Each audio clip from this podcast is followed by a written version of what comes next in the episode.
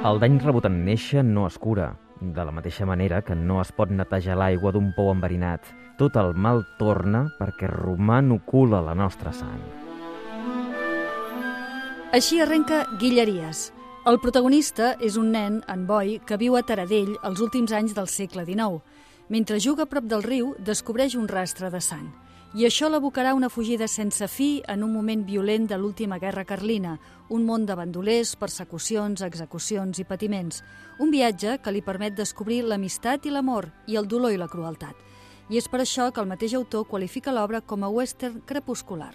I aquest tipus de gènere, el western, diguem-ho així, sí que permet que floreixin una sèrie d'elements que m'interessaven, com era, no sé, el tema de la relació amb l'home, l'ésser humà i la natura, eh, tot el tema de la màgia d'un territori mític, el tema de la violència com estructural o una mena de perill constant que hi ha tot arreu. I tot plegat en un context històric que va cap a la modernització. Acaba un món i en comença un altre. Però es mantenen intactes els boscos de les Guilleries que l'autor coneix molt bé perquè hi anava de petit. El bosc no era un lloc agradable, era un lloc ple de sorolls, ple de foscor, ple de coses que no coneixies, ple d'animalons, i aleshores generava una sensació de, sí, com de misteri, com de màgia, i, de, i també de por. I de tots aquests boscos, especialment les Guilleries, és una zona molt mítica. És una zona que tots els que som d'aquí sabem que allà hi ha com coses molt especials, des de, des de temps immemorials. És com si hi hagués una sèrie de portals que et connectessin a altres mons i a altres realitats. La història d'en Boi és una història de formació que fa al costat de l'altre protagonista, en Joan Tur, un home ferit pel passat que es mou entre la bondat i la maldat i que busca la redempció. I és que el mal més explícit i horrorós hi és sempre present. Una de les coses que més agradava fer al fill d'en Bonaplata era fer mal. El dolor li provocava plaer.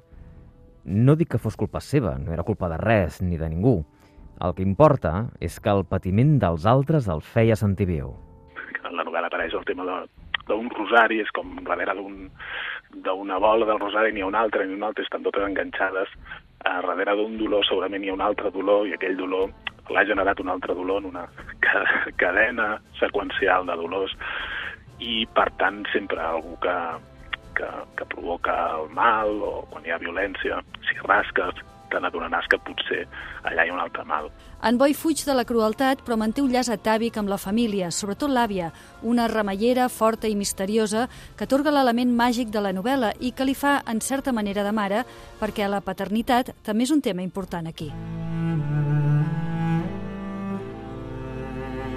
I en aquest món estrany, ple de creences, bandolers, pobles amagats, masos aïllats, coves perdudes, nens sense pares, homes esbudellats i amb els llavis cosits, també hi ha la bellesa.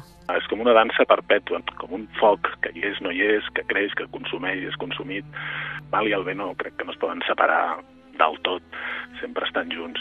I quan actuen conjuntament, crec que encara es veu més el bé i, i el mal. És com quan veus una, una malherba, una dent d'allò d'aquestes, aquesta floreta groga, i la veus pel carrer, doncs no fas ni cas. Però si la veus en una mena d'escletxa, en una paret bruta, pintada i no sé què, de cop, aquella flor que era insignificant, adquireix com més, com més rellevància. Guilleries parla dels grans temes universals que transcendeixen l'espai on passa la història i endinsa el lector en un món ancestral que Ferran Garcia descriu amb frases contundents, algunes feridores i altres de gran bellesa, d'aquelles que s'han de subratllar.